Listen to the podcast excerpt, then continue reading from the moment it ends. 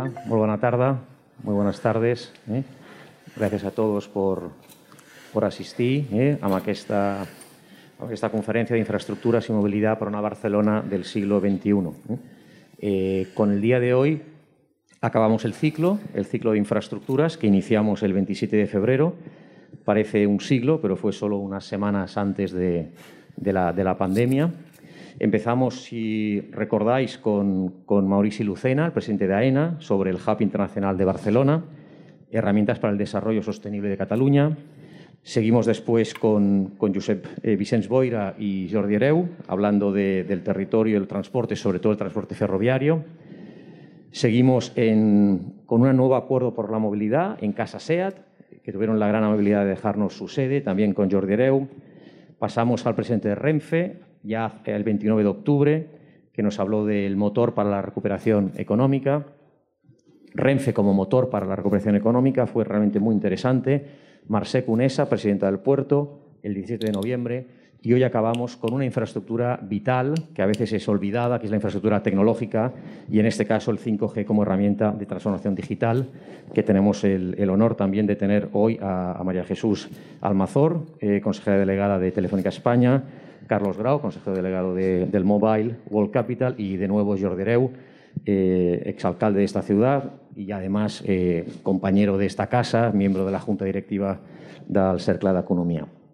Bien, eh, como hemos ido reiterando durante toda la sesión, durante todo el ciclo, y además en todas las intervenciones que el ciclo de economía es invitado a hablar sobre infraestructuras, consideramos que crecer sigue siendo una prioridad, consideramos que la Agenda 2030 y los ODS que nos los suscribimos y los estamos promocionando y potenciando no hablan nunca de decrecimiento. Una sociedad como la nuestra, Barcelona, Cataluña y España, tienen que seguir creciendo y creciendo en infraestructuras, tanto físicas como tecnológicas y también humanas. Me hubiera gustado también hablar de, de, de infraestructuras humanas, de capital humano en este ciclo y lo incorporaremos en otros ciclos. Por tanto, muchas gracias a todos vosotros, muchas gracias a los ponentes y muy especialmente muchas gracias al BVA, que ha sido el patrocinador de este, de este ciclo. Gracias por vuestro apoyo. Y, eh, y, sin más, José, te paso la palabra. Muchas gracias. Bé, muchas gracias, Javier. Muy bona tarda a tot i no a tothom. Y moltes gràcies eh, por acompañarnos una, una vegada más. Més.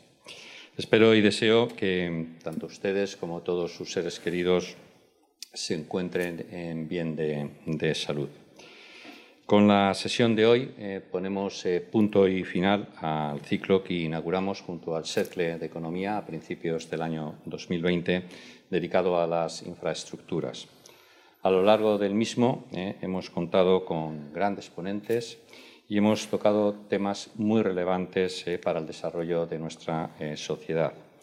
Infraestructuras aéreas, ferroviarias, portuarias, el corredor mediterráneo, la movilidad en ciudades han sido algunos de los temas que se han mmm, comentado en este ciclo. Hoy, y para cerrarlo, como decía Javier, abordaremos un tema de la máxima importancia y actualidad, eh, como es el mundo del 5G. Y una vez más eh, contamos eh, con grandes expertos que nos hablarán sobre el particular. Muchas gracias, María Jesús, Carlos y Jordi, eh, por vuestra participación. Cuando hablamos de 5G pensamos en, tecnología móvil. Yo por lo menos pienso en tecnología móvil y en la revolución tecnológica que va a representar su implantación.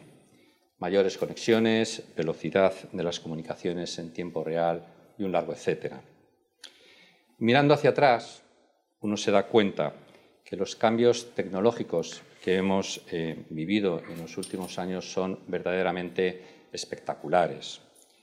Hace apenas 20 eh, años eh, que tuvimos entre nuestras manos los primeros dispositivos móviles, que nada tienen que ver con los que hoy tenemos en, en, en, nuestras manos también. Eso hace 20 años y ahora mismo estamos hablando, vamos a hablar de una tecnología que nos va a permitir conectarnos con nuestros objetos cotidianos a la vez que realizar, por ejemplo, intervenciones quirúrgicas teledirigidas. Pero como decía Steve Jobs, la tecnología no es nada. Lo importante es que tengas fe en las personas, que son básicamente buenas e inteligentes, y si les das las herramientas, harán cosas maravillosas con ellas. Y es que lo que realmente importa, o lo realmente importante, eh, son las personas. Por ello, es fundamental asegurarnos que los beneficios de esta revolución del 5G lleguen al conjunto de la sociedad. Es responsabilidad de todos y, sin ninguna duda, será también un reto ilusionante.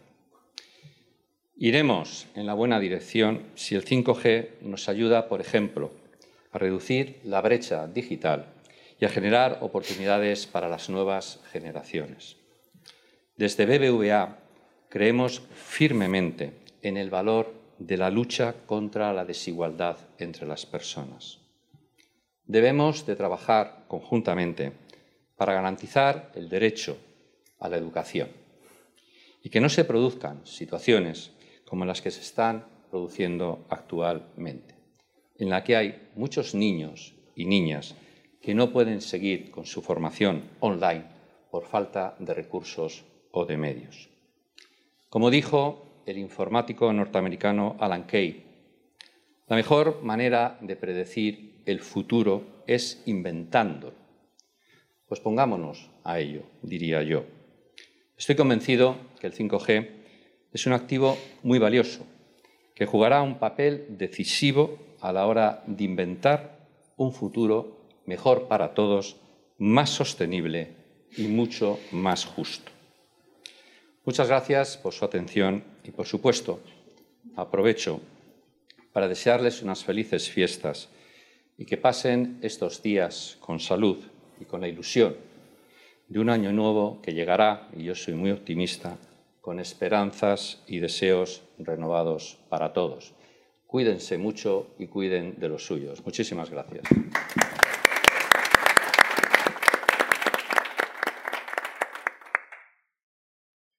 Muy bien, muchas gracias, José Ballester. Ahora que cerramos el ciclo de conferencias sobre infraestructuras y movilidad para una Barcelona del siglo XXI, quiero agradecer el, apoyo del BBVA aquí en Cataluña a este ciclo en el que hemos ido analizando diferentes factores que nos ayudan justamente a la conectividad, a la movilidad de, personas, de mercancías y hoy trataremos de de la información ¿eh? y, por tanto, de este recurso tan, tan básico ¿no? para el desarrollo social y económico de la Barcelona, de la Cataluña y de la España del siglo XXI. Yo os quiero agradecer muchísimo pues, a los socios y amigos del CERCLA que estáis aquí y también a todas las personas que justamente gracias a la conectividad pues, seguirán este acto uh, pues, desde toda España. ¿eh? Por eso nos dirigiremos y haremos el coloquio en español para que lo podamos compartir con toda la gente que nos conectan justamente para compartir, pues yo creo que este interesante debate sobre un elemento. Es verdad que a lo largo de este año hemos analizado la, conectividad por vía ferrocarril, el transporte marítimo, los puertos, los aeropuertos, también las nuevas geografías, ¿eh? que fruto incluso de la pandemia, las nuevas geografías sobre la industria, la logística a nivel mundial y también en Europa. Y hoy yo creo que finalizamos, ¿no? last but not least, justamente, eh, a, través del análisis de lo que supone y supondrá este nuevo gran salto en el mundo de la conectividad. ¿eh? Y por tanto, este gran salto en las tecnologías móviles que supone el 5G. Y, para esta sesión, pues contamos con dos personas que creo que es un privilegio, ¿no? Eh, María Jesús Almazor, la consejera delegada de Telefónica en España, y Carlos Grau, eh, el CEO de, la Mobile World Capital en Barcelona. Y creo que son dos interlocutores que por trayectoria y porque son agentes protagonistas de este proceso, pues yo creo que es altamente interesante. Les, os damos la bienvenida y os agradecemos el poder finalizar este ciclo sobre infraestructuras y movilidad de una manera con personas de, de tal relieve. ¿no? Yo quiero empezar, os haré algunas preguntas eh, diferentes eh, y alguna que será en común. ¿eh? Y quiero empezar con, Carlos, ¿no? Un poco para centrar el tema, ¿no? yo te quería, para que nos entienda todo el mundo, ¿qué es, qué representa el 5G? Te diría qué no es y, y qué supone, ¿no? Por tanto, de dónde venimos, ¿no? Este país ha dado saltos, 3G, 4G, y ahora estamos ante un nuevo salto importante que supone un poco la descripción del panorama general, ¿no? ¿Qué, ¿Qué, es el 5G? Porque llevamos meses hablando muchísimo y yo creo que para un público general yo creo que está bien centrar, ¿no? Muy bien. Oye, primero muchas gracias, eh, Jordi, gracias al Círculo de Economía y a Vivia por invitarnos y darnos la oportunidad en esta mesa. Bueno, yo diría que, supone dos cambios importantes, porque normalmente siempre que hablamos de innovación y tecnología hablamos de innovación evolutiva, una evolución cuando mejoras algo un 10, un 15, un 20%, y hablamos de innovación disruptiva cuando se produce un cambio realmente importante. ¿no? Cuando hablamos de multiplicar por 100 lo que estamos haciendo hoy o reducir un 90% lo que tenemos hoy, pues estamos hablando realmente de una disrupción que, con, que, que abre nuevas oportunidades. Y 5G es una disrupción, ¿no? 100 veces mayor velocidad a la que teníamos en generaciones anteriores un 90% de menor consumo energético en algunos de sus componentes, lo cual va a hacer que el coste de despliegue y el coste de algunos de sus elementos sea inferior y eso rompe, rompe barreras, aparte de la propia barrera de sostenibilidad. Y luego, por primera vez, eh, en telecomunicaciones, no solo una red de transporte de datos y, y voz, porque hasta ahora hemos tenido redes de transporte habéis visto las diferentes evoluciones del 3G, 4G, el mundo de las apps móviles. ¿no? Primero en anteriores generaciones, pues lógicamente la voz era permanente, luego pasamos a los datos, hemos pasado luego al mundo de las aplicaciones. Y ahora estamos hablando de una, primera vez una red de telecomunicaciones que es una red de servicios en sí mismo, no solo de transporte, sino de servicios. ¿no? Eso quiere decir que en la propia red tiene capacidad de computación y almacenamiento. ¿no? Lo que teníamos hasta la fecha en, tecnología, como hablábamos de, de, las nubes, ¿no? esa computación en la nube de servicios, va a haber capacidad de computación y almacenamiento en la propia infraestructura de red y eso cambia porque da a la red unas capacidades de servicio nuevas. ¿no? Y esa disrupción abre oportunidades de servicios distintos de los que teníamos hasta ahora. ¿no? Eh, esa mayor velocidad y sobre todo ese tiempo de respuesta tan rápido en la propia red, ¿no? eh, que, permite pues, que robots, drones, eh, vehículos eh, interactúen de una manera mucho más ágil, mucho más segura, en tiempos de respuesta mucho más rápidos, lo cual favorece escenarios de uso eh, a una mayor velocidad lo que teníamos. ¿no? Anticipábamos un futuro de servicios de Internet a una determinada velocidad y 5G. 5G lo que va a hacer es acelerar esa capacidad ¿no? de poder realmente que el tiempo de respuesta a la red permita esos escenarios en los que pues, eh, otro tipo de dispositivos eh, pues, de alguna manera interactúan de manera instantánea y con seguridad para todos, ¿no? para, para todos los que conviven en, en, en ese entorno. Y a partir de ahí pues yo creo que estamos en el inicio, ¿no? Eh, los operadores, y en este caso Telefónica, ha hecho un esfuerzo enorme en los últimos meses de despliegue y estamos viendo pues, las primeras olas de servicios. En, en, principio vimos las primeras olas de servicios B2B a empresas, ¿no? Pues vehículos conectados, aplicaciones en el mundo de la salud, logística, incluso en el mundo del entretenimiento, y ahora empezamos ya a ver una generación también de aplicaciones B2C, al consumo, ¿no? Porque cómo me va a llegar a mi hogar cómo va a llegar eh, eh, al ciudadano de a pie esa capacidad de servicios, ¿no? Eh, em, que van a ofrecer pues, capacidades distintas de las que teníamos hasta la fecha. Hablábamos sobre todo pues, de, de entornos en los que nos hemos movido en los últimos años, en el que aplicaciones más inmersivas, más tridimensionales, de realidad virtual, realidad aumentada, habían sido pues, para el mundo de los videojuegos. Tú decías, esto es para los jugones. y ahora estás viendo que no, que realmente esas capacidades más inmersivas permiten llegar, por ejemplo, a aplicaciones en las empresas para que un técnico pues, pueda acompañar pues, un especialista en aplicaciones de mantenimiento en remoto y, y, y, formarlo o acompañarlo. ¿no? Con lo cual, son cambios muy importantes, disrupciones en no solo la velocidad de 100 veces mayor a la que teníamos antes, no solo en el menor consumo energético, sino también en cómo habilita con esas capacidades de tiempo de respuesta nuevos servicios que hasta la fecha pues, habían sido difíciles de desplegar a nivel de, de Internet. ¿no?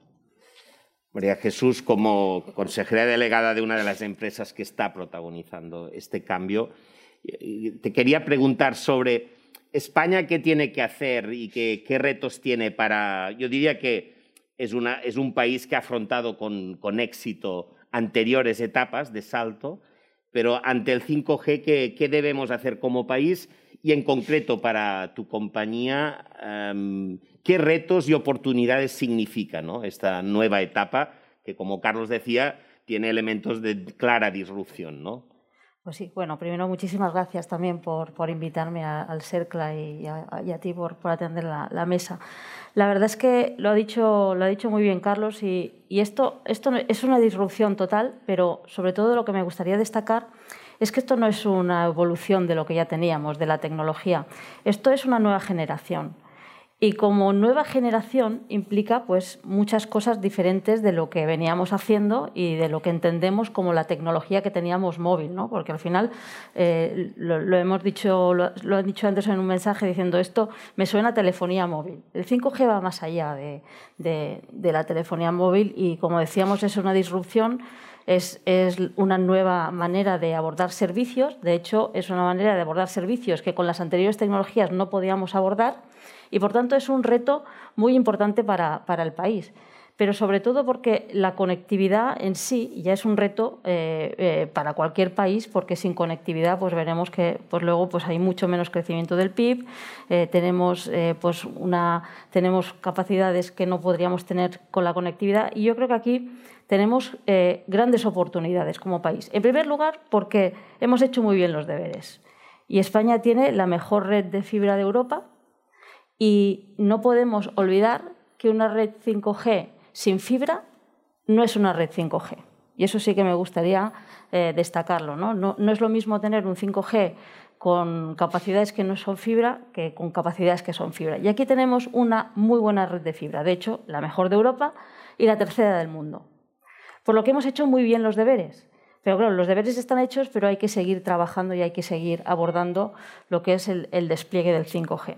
Nosotros anunciamos este, en Telefónica pues, este, este, mes de septiembre nuestros planes de despliegue de 5G y no lo hicimos antes pues porque realmente eh, no había una madurez tecnológica eh, que, dejara que, empezáramos a hacer una implantación como la que estamos haciendo ahora.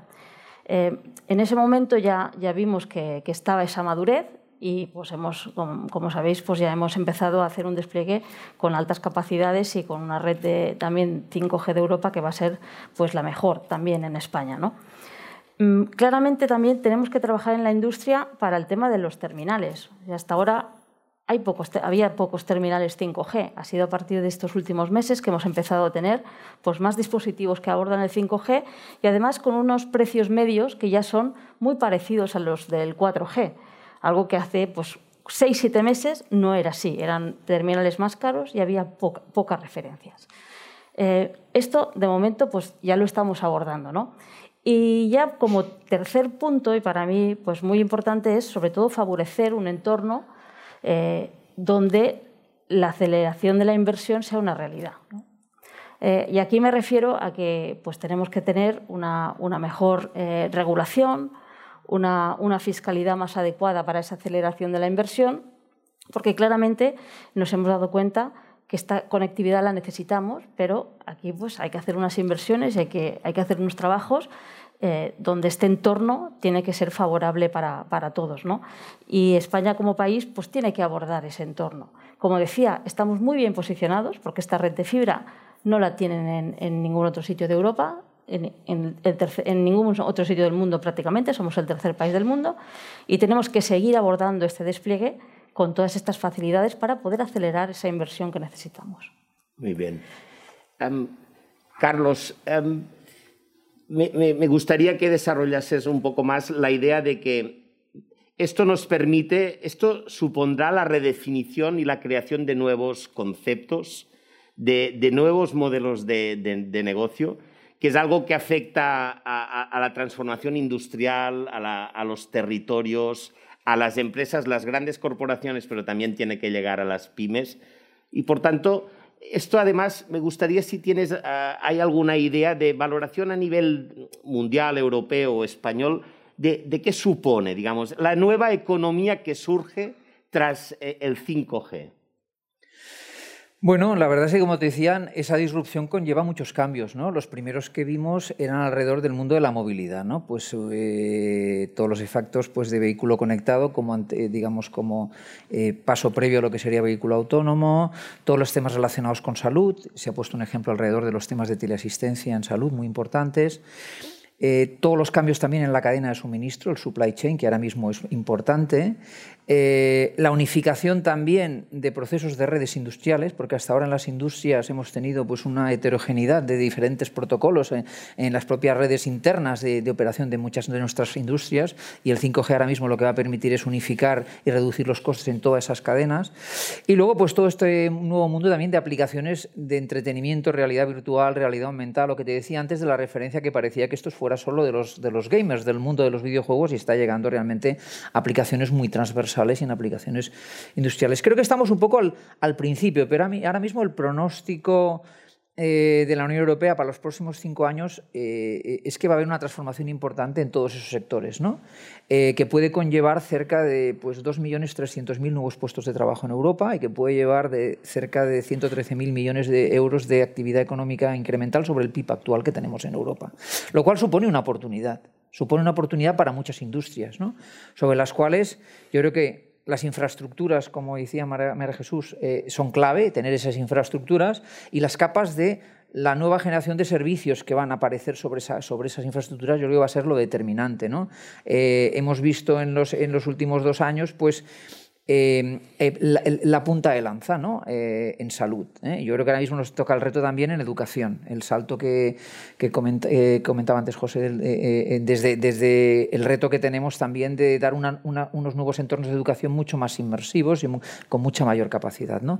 Pero la, extensión va a ser amplia, va a ser amplia y prácticamente te diría que no hay ningún sector de actividad económica que no vaya a beneficiarse del 5G.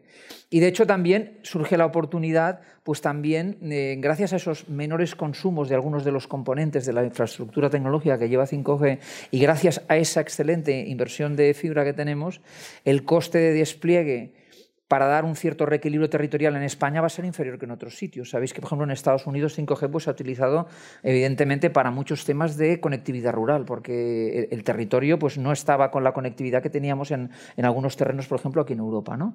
Aquí en España tenemos, yo creo que, una cierta ventaja en el que eh, eh, esa infraestructura de, de, red nos va a permitir que el coste de esas últimas millas eh, pues sean mucho más asequibles. Los tiempos de despliegue y los costes van a ser menores que en otros sitios de Europa. ¿no?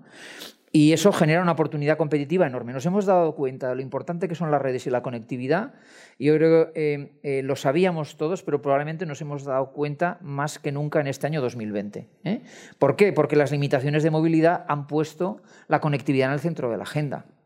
Las organizaciones que han seguido operando han sido aquellas que han tenido una cierta conectividad en sus operaciones y con sus infraestructuras de empleados. ¿no? Pues el, trabajo flexible o llamémosle teletrabajo como se ha llamado de una manera masiva que se ha extendido y que nos ha permitido pues, que la productividad de muchas de nuestras organizaciones haya crecido un 20 o 30% en este año. ¿no? Entonces, es un activo fundamental, es un activo fundamental y nos hemos dado cuenta en este, en este 2020 de esa importancia. ¿no?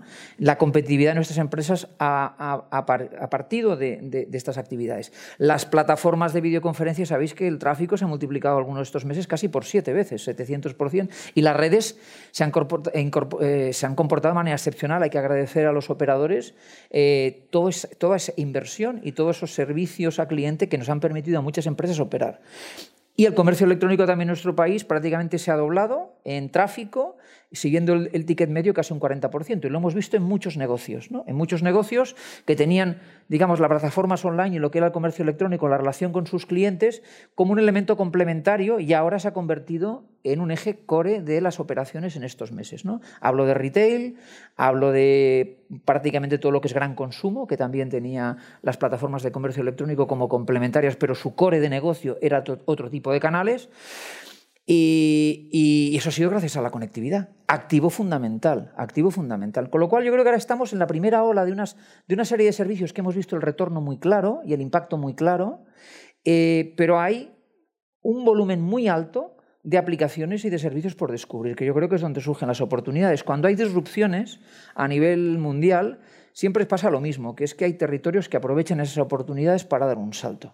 ¿eh? para dar un salto, porque las disrupciones lo que te generan es una oportunidad. Es una oportunidad porque si anticipas y apuestas, aprovechas esa ola para realmente dar un salto competitivo. Y lo hemos visto en otros, en otros muchos temas en tecnología. China hace pues, 20 años pues, ¿no? lideraba el mundo de, de pues, los sensores o el tema de determinadas infraestructuras de red. Israel tampoco dominaba hace 20, 20 años el mundo de la ciberseguridad. Eh, y vieron la oportunidad con tiempo y son ahora mismo territorios que lideran a nivel mundial. Entonces España está en una situación magnífica, por lo menos en todo el panorama europeo, para ser realmente ese laboratorio 5G de Europa. ¿no? Hemos sido pues, pioneros en casos de uso y estamos viendo realmente el impacto económico en una primera fase, pero realmente la oportunidad de esos 2.300.000 nuevos puestos de trabajo en los próximos cinco años, eh, eh, seremos capaces de atraer para nuestro país un 8, un 10, un 12, un 15%. Yo creo que va a depender mucho de cómo ejecutemos los próximos meses. Muy bien. María Jesús, yo te quería preguntar justamente sobre la pandemia eh, en la que aún estamos inmersos y de la que empezamos a ver la luz del túnel, pero aún estamos en este proceso. Bueno, su análisis conllevará mucho tiempo para sacar conclusiones, pero lo estamos viviendo día a día. ¿no? Eh, bueno, a mí me gustaría un poco qué, impacto ha tenido la, pandemia en una empresa como Telefónica, ¿no? de la que, entre otras cosas, yo quiero expresar el reconocimiento a que gracias a la conectividad, muchas actividades, yo lo digo porque yo vengo del mundo de los territorios y ciudades, digamos, ¿no? Para mí los valores de la presencialidad, de la movilidad, del transporte es algo, digamos, muy importante, ¿no? Por ejemplo, en la vida de las ciudades. Pero claro, uno ahora piensa, ¿qué sería de muchos sectores que se basan justamente en la presencialidad si ahora no tuviésemos una conectividad que tuviese la calidad con la que yo creo que estos meses también hemos vivido? Y también te digo otra cosa, esto pone más de relieve que la conectividad, que ya era importante en enero, a principios de año, ahora ya gana una dimensión de, derecho digital, ¿no? Y por tanto, la preocupación por la universalidad de, este derecho, ¿no? Y en este sentido también te quería expresar eh, cómo crees que ahora tenemos que afrontar como reto nacional el, que esta capacidad que, pasa a ser un derecho lo podamos universalizar a personas y a, todos los territorios. ¿no? Y si me permites, ¿eh? con un gorro de presidente de Ispasat, y en esto, ¿cómo os podemos ayudar ¿no? desde esta tecnología satelital a la universalidad allí donde no hay la densidad masa crítica para que otras tecnologías lleguen? ¿eh? Me lo podía imaginar, ¿eh? Bueno, perdonad, ¿eh? paréntesis. No, a ver, bueno, tú, yo creo que lo has, que lo has dicho muy bien. Yo creo que, en estos meses eh, nos hemos dado cuenta todavía más de la necesidad ¿no? de esta conectividad, tanto en la sociedad como en las propias empresas, eh, como en nuestro día a día. ¿no? Eh, también es cierto que, bueno, lo, he dicho antes, pero nosotros llevábamos mucho tiempo bueno, pues haciendo un despliegue muy importante en, el país para, para conectar ¿no? a todas las empresas, a todas las sociedades. Pero es cierto que jamás habíamos probado ni habíamos podido probar eh, el uso de esta red eh, que hemos vivido en estos meses. ¿no? Eh, nosotros, yo, la verdad es que el, 16 de marzo, ese lunes, ¿no? que todos, todo el país empezamos a, teletrabajar o, a, intentar estar en casa y conectarnos, pero ya no solo es teletrabajar, estudiar. al final hicimos de nuestro hogar nuestra oficina, nuestro colegio, nuestro gimnasio, eh, nuestro ocio, ¿no? porque también mirábamos la televisión. Al final estábamos pues, en, en, un momento clave de uso de la red como jamás habíamos visto y os aseguro que no lo habíamos podido probar, ¿no? Esa es la pura realidad, ya nos hubiera gustado. Ese, ese lunes 16 de marzo, pues en Telefónica dormimos poco, eh, porque, pero bueno, aguantó, aguantó muy bien y la verdad es que hemos vivido una pandemia, lo cierto que con unos volúmenes de incremento de, de uso eh, increíbles eh, y, con, y, y sobre todo con gente que jamás había utilizado algún tipo de servicio y, aprendido a utilizarlo. ¿no? O sea que hemos avanzado en estos cinco o seis meses lo que no, hubiera, lo que no hubiera, hemos avanzado un lustro, o sea, prácticamente en uso, que eso es muy importante también. ¿no? Entonces, a partir de aquí, eh, yo creo que eh, ya no es solo el, el, tema de la conectividad, que evidentemente nosotros utilizaremos todas las tecnologías disponibles para llegar hasta el último, hasta el último hogar y hasta, el última, hasta la última empresa. Y, tenéis ahí nuestro, nuestro compromiso. ¿no? eh, y además cada vez más hay más tecnologías disponibles. Pero está claro que nosotros tenemos un compromiso, lo hemos anunciado, nuestro compromiso es el que el 100% eh, de la población en España tenga cobertura de fibra en el año 2025. Ese es un compromiso firme, vamos a trabajar en ello. Y, la verdad es que es, la, pura realidad es que la gente cada día valora más no solo la calidad, que también, sino la seguridad de la red, ¿no? Eh, que es, algo, es un concepto que quizás hasta ahora pues tampoco teníamos tan conceptualizado dentro de las empresas o dentro de, las, de los hogares, pero sí es cierto que una red de calidad que no falle y una red con seguridad, pues es una red que cada vez valoramos más. ¿no? Y aquí, eh, ahora mismo estamos hablando ya que en España eh, tenemos el 75% de cobertura de fibra, nos queda ese 25% y tenemos que trabajar y avanzar conjuntamente para llegar a ese 100 que, claro, que es, tan necesario. ¿no? Te quería preguntar, esto implica política pública también, ¿no? O sea, la colaboración entre los operadores, infraestructuras y... Es fundamental la fórmula de colaboración público-privada para, para lo que queda. Eh, al final lo que queda es, pues eh, evidentemente no es lo más fácil y tenemos que avanzar en fórmulas de colaboración público-privada eh, para, para, poder llegar a ese 100% y acelerar ese 100%, ¿no? que como decía antes, bueno, pues nosotros nos hemos comprometido al 2025 pero está claro que la aceleración de esto pasa sí o sí por una colaboración público-privada y es, y es clave y fundamental. Porque en la Agenda España Digital 2025, que es una agenda que cada, cada X años ¿no? desde España se impulsa, claro, se habla de accesibilidad, pero tan importante como la accesibilidad es la asequibilidad, ¿no? que sea asequible ¿no? este, este acceso a este derecho digital. Te diré asequible y te diré también, eh, hay un dato que, es, que para mí es fundamental y es que no solo es la conectividad, que llegue la conectividad, sino la formación en esas habilidades digitales. Aquí en España tenemos un 20%, 20 menos en puntos que la media europea en uso de las, de, las, de las, habilidades digitales. Tenemos una mayor conectividad, tenemos la mejor red de fibra de roba, pero tenemos un 20% menos de uso.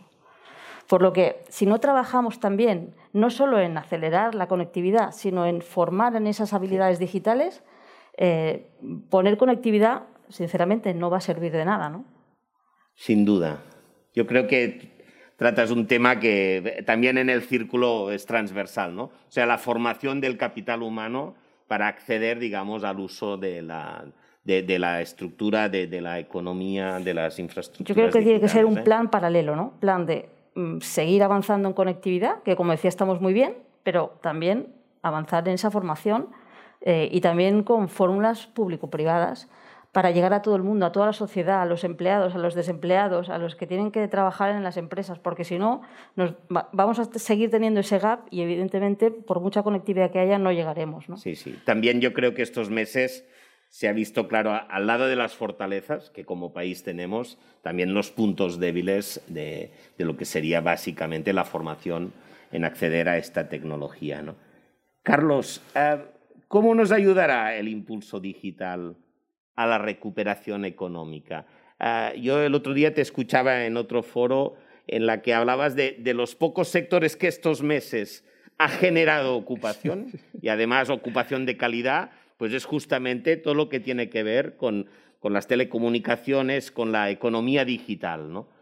Em, esto ha sido estos meses. Y de cara a futuro, el plan de relanzamiento, de reactivación económica, ¿qué papel jugará este sector, este desarrollo? Por ejemplo, la implantación del 5G. Bueno, 5G em, también va acelerar otro tipo de tecnologías de la mano. ¿eh? hablamos muchas veces de, la, conectividad, por supuesto, pero detrás va a haber temas relacionados con grandes volúmenes de datos, eh, inteligencia artificial y un, mm, y un, sueño que teníamos de hace mucho tiempo en tecnología que era ese Internet de las cosas, todo conectado. Tú lo recordarás, Jordi, como alcalde, que siempre pensábamos en cómo conectar todos los servicios de ciudad, que la ciudad fuera inteligente en todos sus servicios. Iluminación, riego, tráfico, absolutamente todo. ¿no? Lo que viene con el 5G realmente es ese, sueño de Internet de las cosas, porque vamos a poder tener sensores en dispositivos que hasta la fecha no. Eh, ¿Qué estamos viendo? Hombre, el sector digital tiene un doble papel. Eh, uno, el propio crecimiento que está teniendo en sí mismo. Te, os comentaba el otro día que en, los peores meses que hemos tenido, incluso de la pandemia, en estos últimos nueve meses en Barcelona, en el Hub Digital, se han generado casi 15.000 puestos de trabajo, superando sectores tractores de nuestra economía, como han sido el sector del automóvil u otros. Realmente es un sector que ahora mismo está generando un nivel de ocupación muy importante. ¿no? Con lo cual, en sí mismo, ahora mismo el sector digital es clave. Eh, y cuando hablamos del sector digital, pues lógicamente, por ese talento, hablábamos antes también de la importancia del talento, pues estamos viendo necesidades en tres grandes segmentos. Corporaciones que están digitalizando sus negocios, claramente para acercarse al cliente, mejorar sus operaciones y mejorar también su cadena de suministro. Eh, evidentemente, el sector tecnológico en sí mismo, las empresas de servicios tecnológicos y las empresas de tecnología, y luego el ecosistema emprendedor, que como bien sabes, en nuestra ciudad y en nuestro entorno, pues ha cogido una dimensión importante. ¿no? Y al final, todos eh, esos tres colectivos están buscando el mismo talento. No solo son, cuando hablamos de talento digitales, desarrolladores o programadores de software. No, no, estamos hablando pues, de expertos en, en experiencia de usuario y en diseño, expertos en marketing digital, expertos en redes sociales, expertos sobre todo en en, analítica de datos y en inteligencia de datos, que ahora mismo es uno de los elementos más importantes en, la compañía, en las compañías. ¿no? Entonces, el, sector tecnológico en sí mismo está jugando un papel, primero, tractor por sí mismo, pero luego elemento vehicular de competitividad en prácticamente todas las industrias. Y ahora mismo está siendo clave. ¿no? Lo decíamos antes con ejemplos de empresas que si no llega a ser por la digitalización de sus relaciones con clientes y, sus canales de comercio electrónico, probablemente no habrían facturado ni la cuarta parte en estos últimos nueve meses. ¿no? Y lo hemos visto en gran consumo, lo hemos visto en retail. ¿no? Entonces, eh, el, sector ahora mismo va a ser clave en el, cómo lo ejecutemos.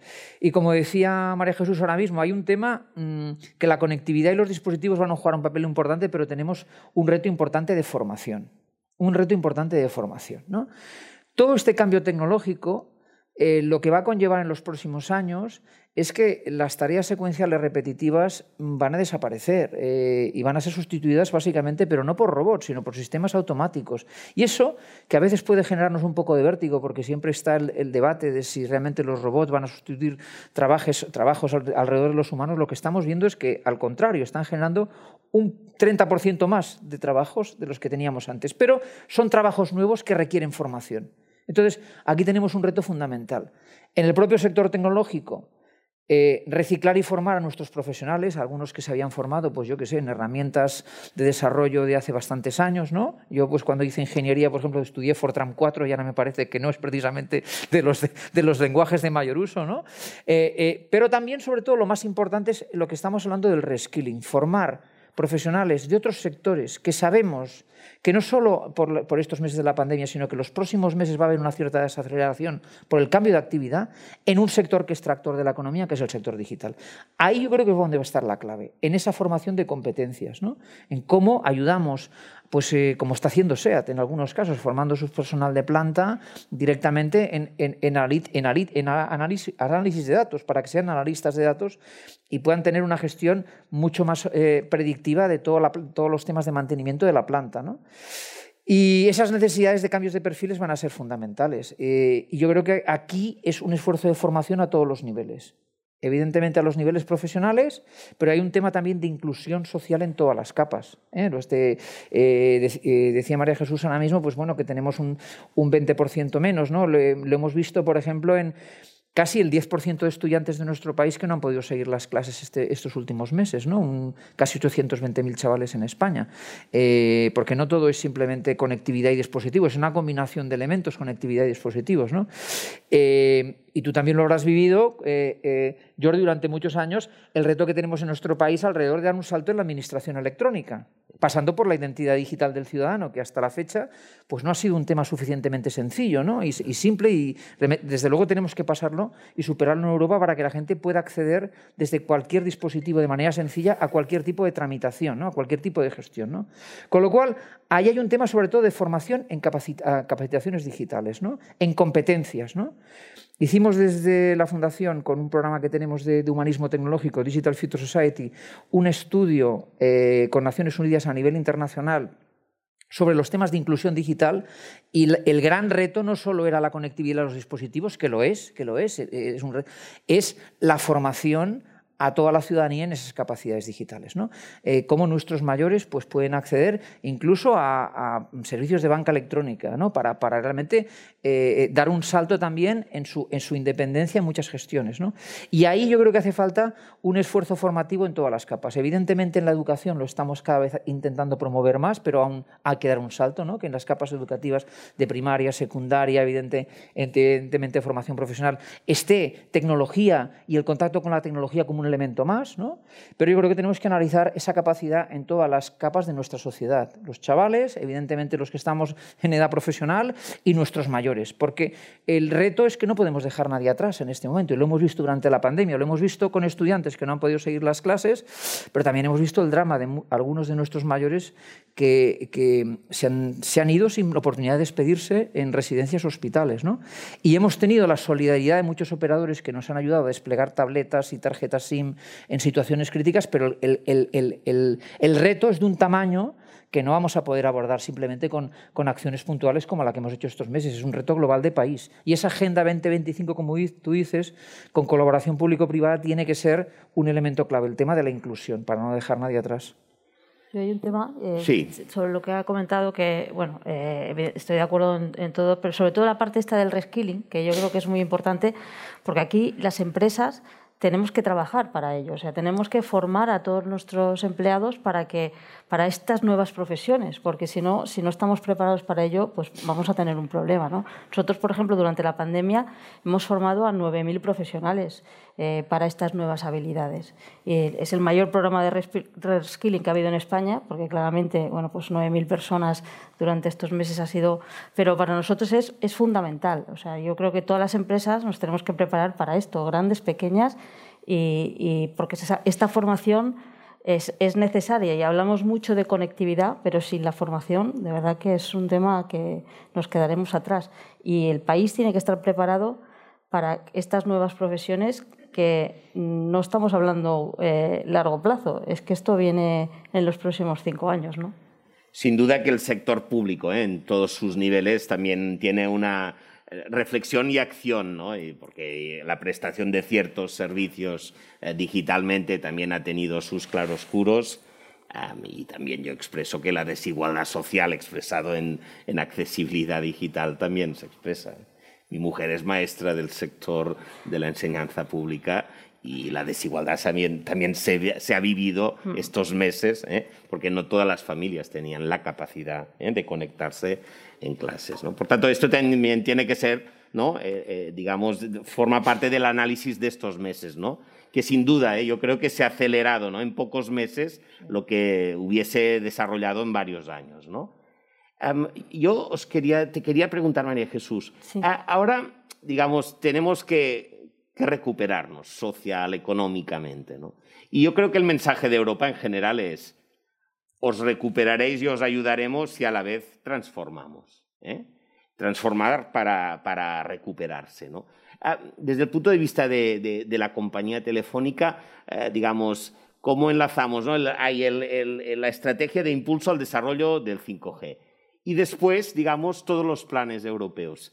Entiendo que vosotros también estáis, como, como todo el tejido empresarial ¿no? en este país, preparando propuestas. Quería si nos podías explicar lo que se sí. pueda explicar de sí. estos proyectos, digamos, ¿no? Sí, bueno, nosotros ya cuando, cuando fue la, la agenda digital ¿no? de 2025, eh, pues ya, ya nuestra, nuestra visión y nuestra postura al respecto y, y, y, y seguimos avanzando a la misma vez era sobre todo focalizarnos en prácticamente en unas iniciativas que además creemos que tenemos mucho que decir y mucho que aportar. ¿no? La primera es eh, pues la propia digitalización de las empresas, ayudar a, a esa digitalización, eh, concentrándonos muchos en las, en, la, en las pymes, evidentemente, sí. donde el peso tan importante que tiene este país con, con las pymes. Aquí nosotros nuestra estimación es que el, digitalizar las empresas puede, puede, hacer que crezcan en más del 25% en productividad. ¿no? Entonces, eso es algo esencial para el país, el país lo necesita. ¿no? Eh, otra, otra línea, pues evidentemente, es continuar con la conectividad, que hemos hablado mucho de ella y no, no me voy a extender. Eh, otra línea muy, muy importante también es la transformación del sector sanitario. Para nosotros es, es fundamental, es, es un eje donde la tecnología y la conectividad pueden aportar, pueden aportar muchísimo. Yo creo que todos los sectores ¿no? nos tenemos que transformar, pero hay algunos que ahora mismo están más preparados para abordar ese, este, este gran paso ¿no? y el sector sanitario es uno de ellos. ¿no? Eh, por otro lado, también está la transformación del sector educativo, que también hemos hablado eh, algo, algo de ellos.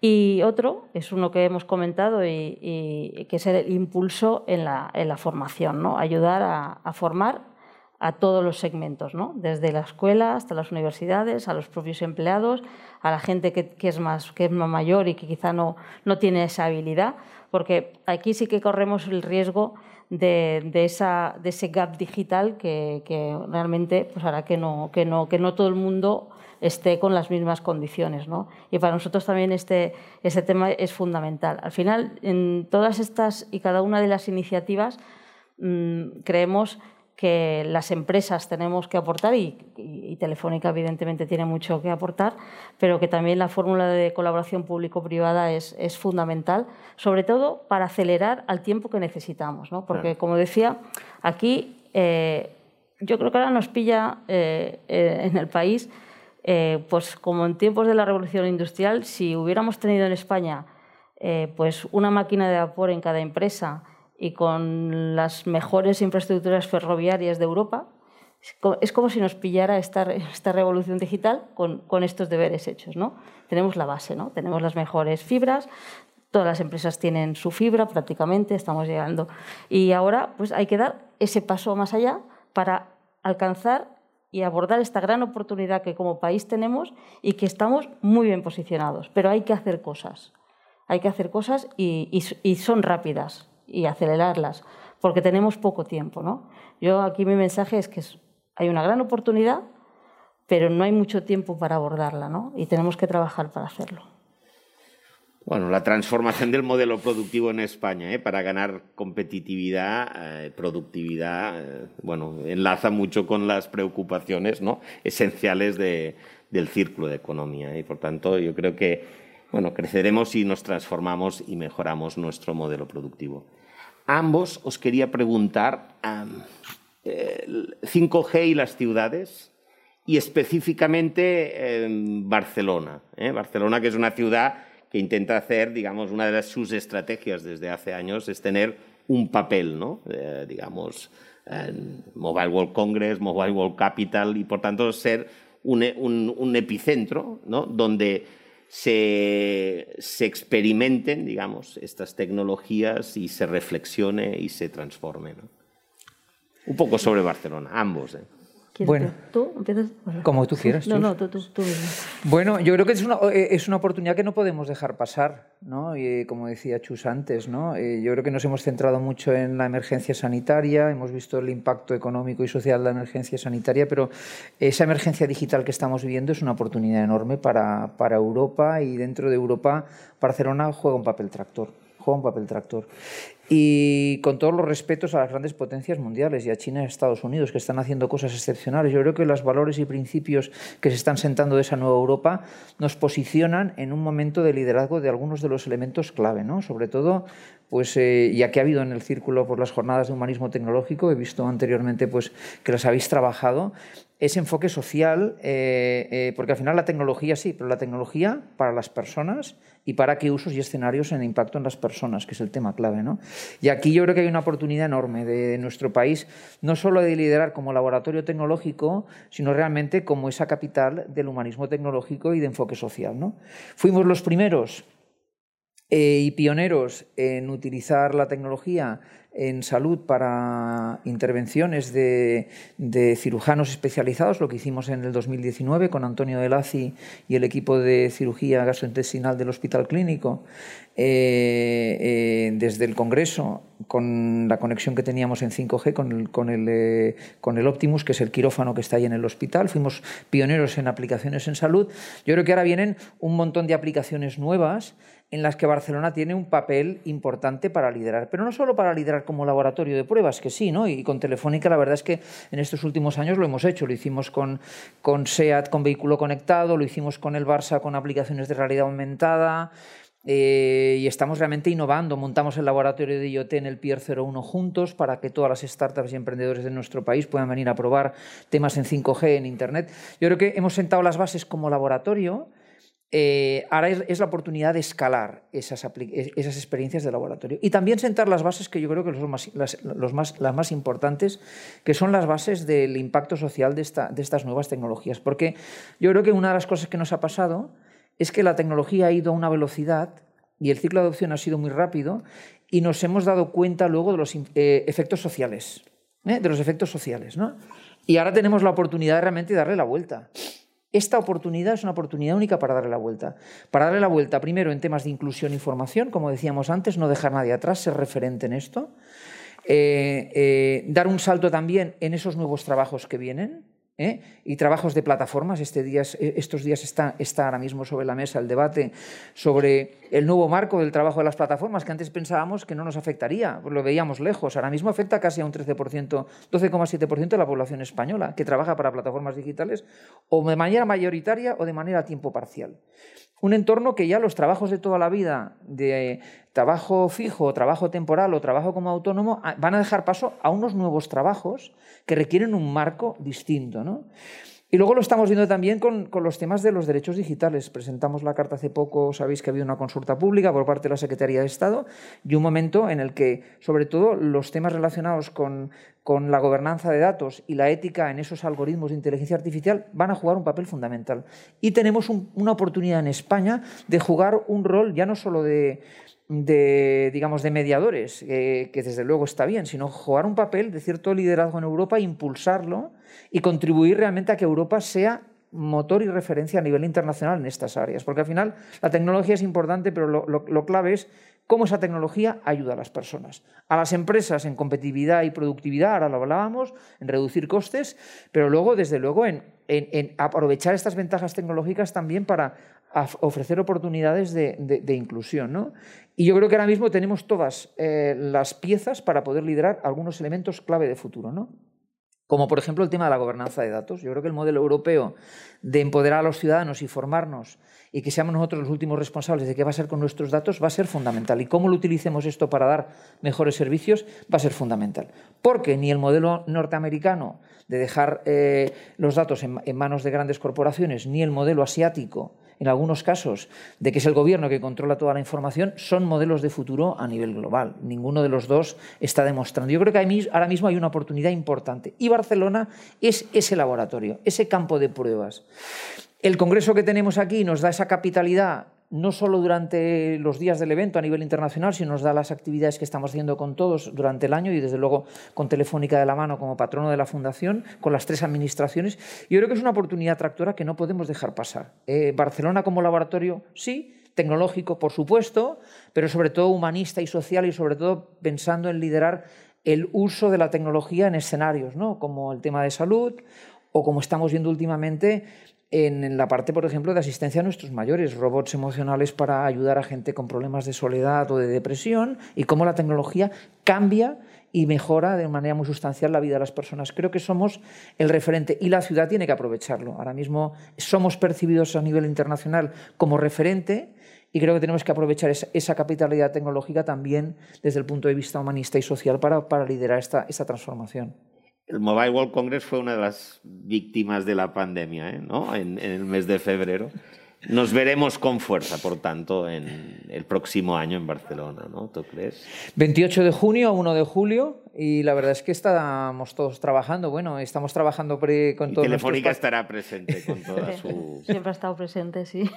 Con toda su fuerza. Sí. Yo te quería, o sea, esta hiperconectividad, ya no solo entre comunicación, conectividad entre personas, personas, objetos, máquinas, sino eh, este nuevo mundo ya de, máquinas dialogando, hablando entre sí. Esto respecto a ciudades, respecto a la industria, entiendo que, será una fuente ¿no? de nuevas oportunidades. ¿no? Claro, a ver, nosotros em, ya, hace, bueno, cuando empezamos a hablar de 5G, pues eh, hablando de hace 3, 3 4 años, em, ya, y lo, ha comentado bastante Carlos, pero, pero bueno, por, destacar, ¿no? Eh, vimos que la tecnología 5G por sí sola no, no, dice mucho. ¿no? Lo que hay que trabajar es en esos casos de uso, en esas necesidades y en esos servicios que te aporta la tecnología.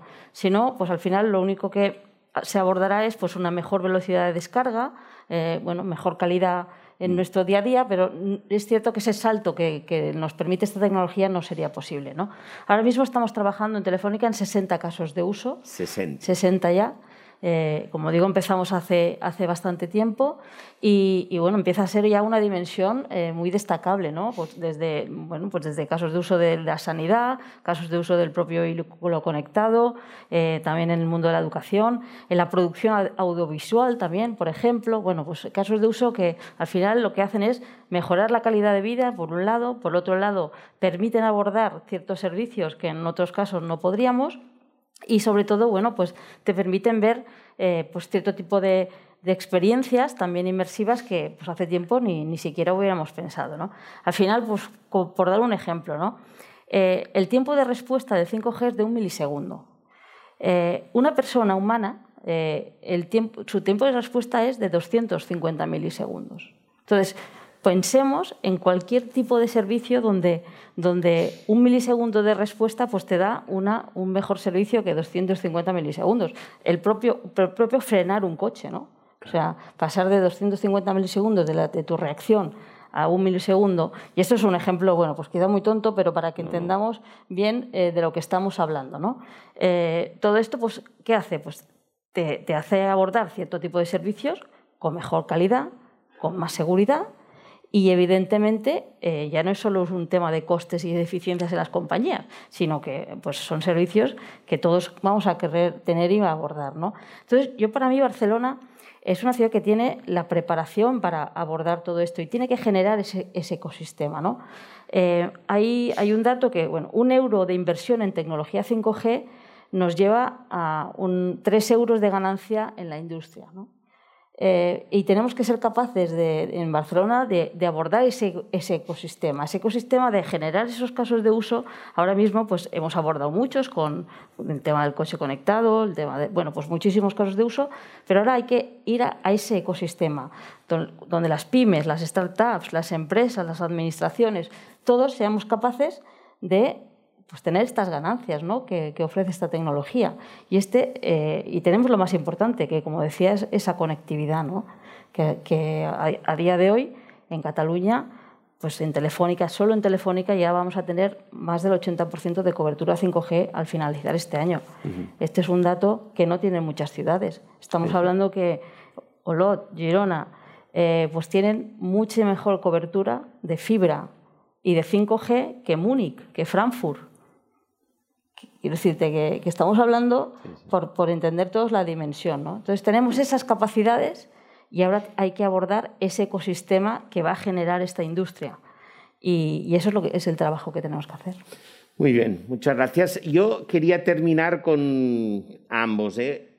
Una pregunta ya más eh, sobre Europa. ¿no? Es decir, Europa ganaremos esta etapa. Y lo digo Europa frente a Estados Unidos y China, ¿no? Básicamente. ¿Qué papel, qué tenemos que hacer? ¿Tenemos que ir más unidos? ¿Tiene que haber también estrategia europea digital?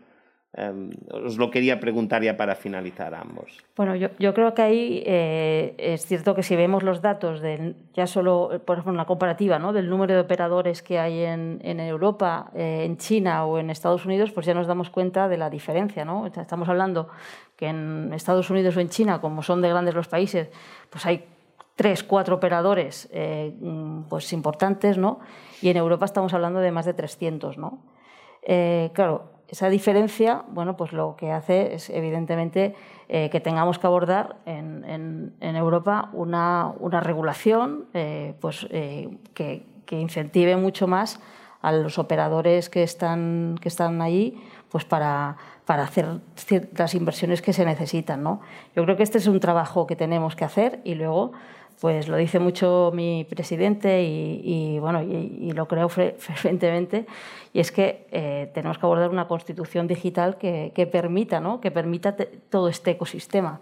Y eso, eh, pues el que, el que lo aborde y el que lo haga, pues será el que, el que tendrá pues todas las de tener la gran oportunidad. ¿no? Así que tenemos ese, ese trabajo por hacer. Muy bien.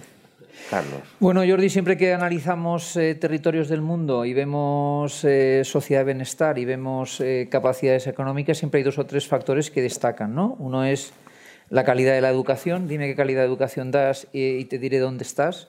Y el otro también es la inversión en investigación y desarrollo. ¿no? Y la investigación estos días está también otro de los temas sobre la mesa. ¿no? tenemos al ministro de Ciencia pidiendo ese 2% que desde luego reclama más que, además el, ministro yo creo que reclama todo el sector. ¿no?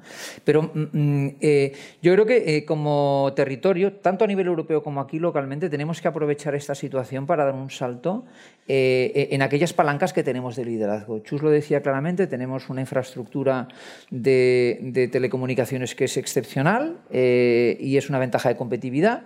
Y luego también tenemos una gran potencia como país en ciencia e innovación. Somos la doceava potencia España, es la doceava potencia del mundo en producción de papers científicos. ¿Qué nos hace falta? Que esa excelencia científica y ese liderazgo científico pase a la industria. Yo creo que es una de las asignaturas pendientes que tenemos en, en, Europa y tenemos también en España. ¿eh? La transferencia, la transferencia de esa excelencia científica y favorecer más eh, eh, esa hibridación de perfiles que van desde el mundo científico al mundo emprendedor, del mundo emprendedor al mundo corporativo y, fluyen, ¿no? Y fluyen. Yo creo que ahí hay una oportunidad enorme en, en que nuestra excelencia científica se convierta en valor para la nueva generación. Y de hecho en 5G Mm, eh, nuestra capacidad de atraer inversiones va a depender también de cómo conseguimos que todas las empresas tecnológicas y el tejido de startups desarrollen aplicaciones y servicios sobre las infraestructuras que están poniendo los operadores. Ahora mismo hemos visto las primeras, que eran muy obvias, pero vienen muchas más que aún están por descubrir y eso va, a depender de ese ecosistema. Y luego el otro reto que tenemos, eh, yo creo que hay, hay, un, hay un reto sobre todo cuando vemos las bolas a nivel mundial de inversión y desarrollo, pues como tú bien dices, una coordinación de política europea, ¿eh? para que realmente eh, eh, la bola de I+D de China, la bola de I+D de Estados Unidos, que están creciendo, sobre todo la de China en los últimos años, y la bola de Europa deje de ser un juego de canicas, que tenemos ahí, pues bueno, canicas, algunas de unas ciertas dimensiones, porque lógicamente tanto Francia como Alemania pues, han hecho unas inversiones muy importantes, pero al final nos falta realmente una, una, una, una iniciativa global. Y ahora ahí tenemos un reto importante. el otro es que estas oportunidades competitivas las llevemos también, como decía Chus antes, a la pequeña y mediana empresa. Yo creo que las grandes corporaciones han hecho sus deberes y están haciendo sus deberes en digitalización. ¿no? BBVA y otras muchas compañías han invertido. Tenemos el reto de que esas capacidades tecnológicas lleguen a la pequeña y mediana empresa. Algunas de ellas en los últimos seis meses, nueve meses, han empezado a correr para poner sus plataformas de correo electrónico, ¿eh? Eh, de comercio electrónico, sobre todo de e-commerce, pero yo creo que nos hemos dado cuenta de lo importante, ¿no? que llegue sobre todo esa capacidad. Y luego lo, último es la formación. O sea, yo te diría ciencia y sobre todo transferencia. Eh, claramente, claramente eh, digitalización, pero sobre todo pensando también en la pequeña y mediana empresa, que ahora mismo yo creo que es la, asignatura pendiente, y sobre todo dentro del panorama europeo, países como el nuestro, que el tejido económico depende mucho de la pequeña y mediana empresa, es fundamental que llegue con ejemplos de manera muy simple. Y luego, eh, aparte de ciencia, el otro activo es calidad de la educación. Y cuando hablamos de educación, ahí tenemos que hablar de inclusión desde colectivos en riesgo a pues, eh, educación en contenidos eh, digitales desde la base, primaria y secundaria, evidentemente en toda la etapa, y sobre todo la oportunidad ahora de reskilling y de generar nuevas profesiones de otros sectores que van a tener, sabemos, gente con capacidades de empleabilidad y con capacidades de formación que tiene que aprovechar para formarse para esta nueva capacidad y generación de, trabajos. Lo hemos visto en, en el sector digital en estos últimos meses, es una oportunidad y yo creo que sobre todo la ciudadanía lo que tiene que ver es el sector digital como un sector de oportunidad y todos como una oportunidad de reciclarnos y actualizarnos. ¿no? Yo creo que si damos ese salto en Europa, ahora mismo las grandes directrices que vienen por una Europa sobre todo más verde, más sostenible, ¿no? con enfoque social y el que la digitalización está en la agenda, yo creo que tenemos que aprovechar no solo esos fondos que van a venir, sino realmente la,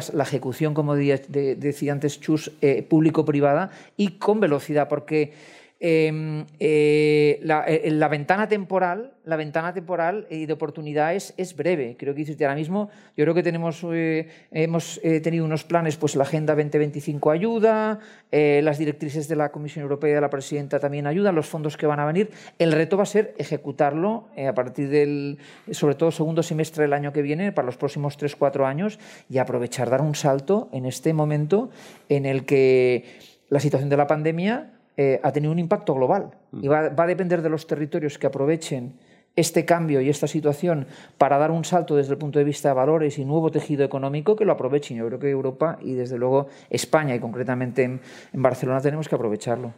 Muy bien, muchas gracias. Pues si os parece, abriríamos un turno de preguntas y con esto pues terminaremos. Yo creo que hemos analizado con las diferentes dimensiones de este reto y de esta oportunidad ¿eh? que nos ofrece el 5G. Sí, allí hay una persona. Hola, buenas tardes. Mira, en, respecto al punto este de la colaboración público-privada que hemos estado hablando, a mí personalmente me tranquilizaría mucho saber que Telefónica, siendo una de las pioneras eh, en el mundo y además de las más tecnológicas, está asesorando a nuestro gobierno. Es decir, dentro de este futuro reparto de fondos europeos, eh, pues que nuestro gobierno pues está apoyándose en aquellas empresas que son capaces de decir cómo transformar esos fondos europeos en algo productivo a futuro, más allá de lo que es el mero gasto, que es lo que parece que efectivamente está apuntando el tema. Entonces, me, tranquilizaría mucho saber que Telefónica efectivamente está involucrada en esa colaboración de cara al tema de los fondos europeos y cualquier otro proyecto que nos puedas decir. Gracias. Bueno, a ver, nosotros llevamos mucho tiempo eh, trabajando eh, con, con, muchos proyectos, ¿no? Entonces, más que, más que asesorar, eh, he comentado, pues nosotros hemos dado nuestra visión ¿no? al respecto y lo hemos hecho, la hemos hecho pública y, y lo hemos, evidentemente hemos dado ese plan eh, de visión de, de, de, lo que creemos que, que, hay que hacer y ese, y ese plan es público y, lo, y, lo, y se conoce, ¿no? Es decir, que, y luego, pues cuando hemos visto mm, bueno, pues las líneas de, de trabajo de, de, la digitalización de los fondos, evidentemente hemos visto muchas de las cosas, pero como, hay muchas otras, ¿no? Entonces, al respecto, pues a la, respuesta, vaya, que, llevamos mucho tiempo eh, dando la visión de Telefónica al respecto, lo que se tiene que hacer. Es verdad que estos últimos meses ha cambiado, sobre todo, más que, más que los conceptos, que yo creo que los habíamos dicho y, son claros, eh, ha cambiado la temporalidad. ¿no? Yo, creo que ahora sí que nos hemos dado cuenta todos y que hay una necesidad eh, en el tiempo eh, mucho antes de lo que todos pensábamos y eso es algo que no podíamos haber sabido pues hace unos meses. ¿no? Pero el plan es el mismo, el plan lo teníamos detectado. ¿no? Muy bien. No sé si hay alguna otra. Sí, allí y el presidente. Sí, mi nombre es José María Bové. Bueno, muchas gracias por las intervenciones. Uh, solicitar, pedir si uh, desde el punto de vista de industrialización en un país en donde, pues en muchos casos dependemos de las grandes multinacionales que en un momento dado pueden mover sus centros de fabricación de un sitio a otro, la pregunta sería si existe uh, un estudio de impacto que puede decir que el, el 5G uh, puede aumentar, por ejemplo, la industria española en un determinado porcentaje. Esta sería mi pregunta. ¿Qué impacto uh, puede tener el 5G dentro del sector industrial español? Bueno, hay, hay muchos estudios, estimaciones. Eh, realmente la dimensión, eh, la dimensión de lo que va a pasar eh, claramente eh, pues tiene una, digamos que tiene una horquilla muy grande porque, porque estamos, estamos en un momento de disrupción y no somos tampoco capaces de, de, de determinar lo que va a pasar y sobre todo ahora la situación actual creemos que ha acelerado muchísimo en, en, los próximos años lo que va a venir. ¿no? El, el dato que he dado antes de de, por ejemplo, pues, eh, que el factor de productividad de las pymes eh, pues, iba a incrementarse en más de un 25%, eh, por ejemplo, pues yo creo que ahora ya incluso se queda algo corto con, con respecto a lo que, a lo que estamos viendo. ¿no? Eh, lo, que, lo que sí que está claro es que hay dos, dos, dos datos que para mí son fundamentales eh, y no es, no es solo el 5G en sí, que también, sino es eh, toda muy, mezclado con la inteligencia artificial y muy mezclado con lo, con que llamamos la tecnología edge computing, que es la capacidad de procesar eh, mucho más cerca de, de donde estamos, por lo que los servicios pues, van a ser eh, pues, mucho, más, eh, mucho más fáciles de, abordar con, esa capacidad del edge computing. ¿no? Entonces, 5G más edge computing más inteligencia artificial, esas tres tecnologías, que son las que, las que vamos a abordar en los próximos 3, 4, 5 años, nos van a dar un nuevo factor de producción, que son los datos y la capacidad de poder eh, eh, explotar esos datos y de poder ser capaces de llegar eh, con esos datos a, unos, a otros negocios va a ser lo que, lo que va a dar mm, bueno, pues un crecimiento muy significativo. ¿no? Pero lo cierto es que no me atrevería a dar una estimación porque realmente ahora mismo es, es exponencial. ¿no? Carlos. Eh, hemos visto casos de uso en diferentes escenarios en industria. ¿no? Uno de ellos comentaba anteriormente el, el que hemos visto, por ejemplo, en, en eh, empresas industriales navales con, con sus eh, eh, operaciones de mantenimiento, eh, con técnicos conectados con realidad virtual, realidad aumentada, que han, reducido los tiempos de, paradas de líneas pues 80 y 90%, porque a veces cuando tienes una planta industrial y tienes muchas tecnologías, tener técnicos de mantenimiento en todas las tecnologías es imposible. ¿no? Tienes en muchos casos especialistas en algunas áreas, pero luego tienes generalistas. Y a veces el que venga el proveedor y te resuelva un problema que te tiene parada una línea, pues puede tener un impacto enorme. ¿no? Y hemos visto tiempos de respuesta que se reducen a un 80-90%. Hemos visto incluso en 5G, por una parte, el, despliegue en redes industriales, ahora mismo está habiendo un despliegue importante en, redes industriales en, diferentes plantas para unificar todos los, todos los sistemas de comunicación en red, incluso extendiéndolo en la cadena de suministro, en el supply chain. ¿no? Y ahora mismo hay proveedores del mundo del automóvil que están trabajando en proyectos combinando datos y, y tecnologías como 5G que pues en los próximos meses prevén reducir sus tiempos de, entrega desde que vas a un concesionario a pedir un coche, que ahora mismo están en 10 o 12 semanas, a dos semanas. Y me dirás, ¿es magia? No, es interconexión y datos en toda la cadena extremo a extremo, inteligencia artificial eh, viendo en la web cómo se comportan los usuarios a la hora de parametrizar en su configurador diferentes vehículos de coche, viendo cómo eso se convierte luego en, en concesionario y qué porcentaje se convierten en ventas, y teniendo la cadena de suministro conectada extremo a extremo. Cambia radicalmente la competitividad de sectores como este, porque no estamos hablando de una reducción ni de un 20 ni de un 30%, estamos hablando de una reducción a una cuarta, una quinta parte de los tiempos de suministro. Entonces, estamos viendo, yo creo que ahora mismo, como decía Chus, estamos al principio de algunos casos de uso donde estamos intentando traducir, y de hecho desde el Observatorio Nacional 5G se ha, se ha hecho un informe recientemente sobre el impacto del 5G en sectores como el mundo de la media, el entretenimiento, a la hora de poder generar nuevos ingresos, y también en el mundo de la industria, para ver los efectos que puede tener en industria, en las plantas y sobre todo en la cadena de suministro. Y creo que, oye, iremos viendo con ejemplos y casos más aterrizados, pero realmente el, abanico es amplio y el cambio va a ser bastante disruptivo. Mm. Muy bien. Javier, el presidente.